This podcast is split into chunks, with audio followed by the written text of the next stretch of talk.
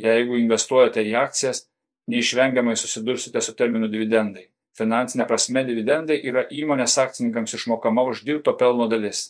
Kitaip tariant, dividendus mokant įmonė dalį gauto pelno nepasilieka savo, o pasidalina su įmonės akcininkais. Toli gražu ne visos įmonės moka dividendus, tačiau tai darančios yra itin vertinamos. Išmokami dividendai gali užtikrinti investicinę gražą net tada, kai įmonės akcijų vertė nekyla. Tad ką reikia žinoti apie dividendus? Jų išmokėjimą ir apmokestinimą kiekvienam investuotojui. Dividendai - investicinės gražos dalis. Dividendai yra svarbi investicinės gražos dalis. Nors dažnai metiniai dividendai siekia kelias procentus nuo akcijos vertės, kartais įmonės gali išmokėti 10 ar net 14 procentų dydžio metinius dividendus. Ir tai labai solidi metinė graža investuotojui. Todėl rinkdamiesi įmonę, į kurią investuosite, panalizuokite ir kiek dividendų įmoka, ar turi apibriežtą dividendų politiką. Pavyzdžiui, kai kurios įmonės yra įsipareigojusios išmokėti 70-80 procentų savo metinio pelno akcininkams, o kitos nustato, jog kasmet dividendais išmokės ne mažiau 6 procentai ar kitą dydį nuo akcijų vertės. Tai gali ženkliai padidinti jūsų finansinę gražą. Norint suprasti dividendais gaunamą vertą skaičiuojamas akcijų dividendinis pajamingumas. Jis nustatomas metinius dividendus vienai akcijai padalinus iš akcijos kainos. Pavyzdžiui, jeigu įmonė moka 5 eurai metinius dividendus vienai akcijai, o akcijos vertė biržoje siekia 100 eurų, tokios įmonės akcijų dividendinis pajamingumas bus lygus 5 procentai 5 eurai. 100 eurų 0,05 arba 5 procentai. Dividendus dažniau moka stabilios įmonės. Kaip jau minėta, ne visos įmonės moka dividendus. Jų mokėjimas priklauso nuo bendrovės situacijos, finansinės padėties, taip pat nuo akcininkų daugumos sprendimo.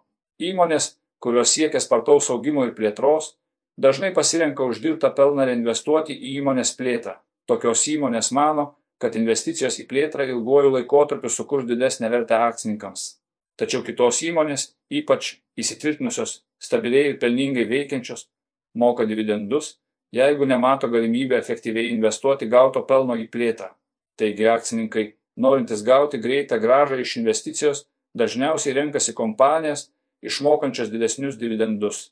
Tačiau tie, kurie nori gražos ilguoju laikotarpiu ir tiki akcijų vertės kilimo galimybę, renkasi kompanijas su mažesniais dividendais ar jų visai nemokančias, nustato visuotinis akcininkų susirinkimas. Sprendimą dėl dividendų išmokėjimų ir dividendų dydžio priima bendrovių visuotinis akcininkų susirinkimas.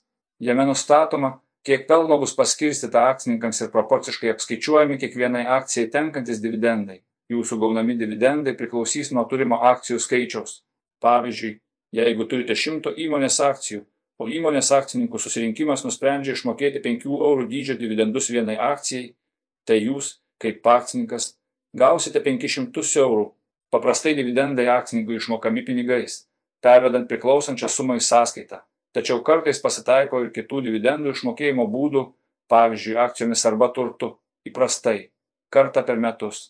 Paprastai dividendai mokami kartą per metus, nors kai kurios įmonės gali juos mokėti ir kas pusmetį ar ketvirtį. Terminas iki kada bus išmokėti dividendai, taip pat nustatomas visuotinio akcininkų susirinkimo metu. Įprastai tai būna per vieną mėnesį nuo akcininkų susirinkimo, kuriame priimamas sprendimas dėl dividendų išmokėjimo. Investuotojams taip pat svarbu žinoti dar vieną datą, kada asmo įgyja teisę į dividendus. Lietuvoje įprasta, kad dividendus turi teisę gauti tie asmenys, kurie visuotinio akcininkų susirinkimo paskelbusio dividendus dieną buvo bendrovės akcininkai. Tad jeigu akcijų įsigysite vėliau, praėjusio periodo dividendai jums jau nepriklausys ir juos galėsite gauti tik tolimesnėje ateityje. Mokesčiai už dividendus. Dividendai pagal Lietuvos įstatymus yra apmokestinami 15 procentų gyventojų pajamų mokesčių. Tiesa, gaunant dividendus iš Lietuvos įmonių jums patiems sumokėti mokesčio nereikia, nes tą jūsų vardu privalo padaryti pačios įmonės, išmokėdamos dividendus.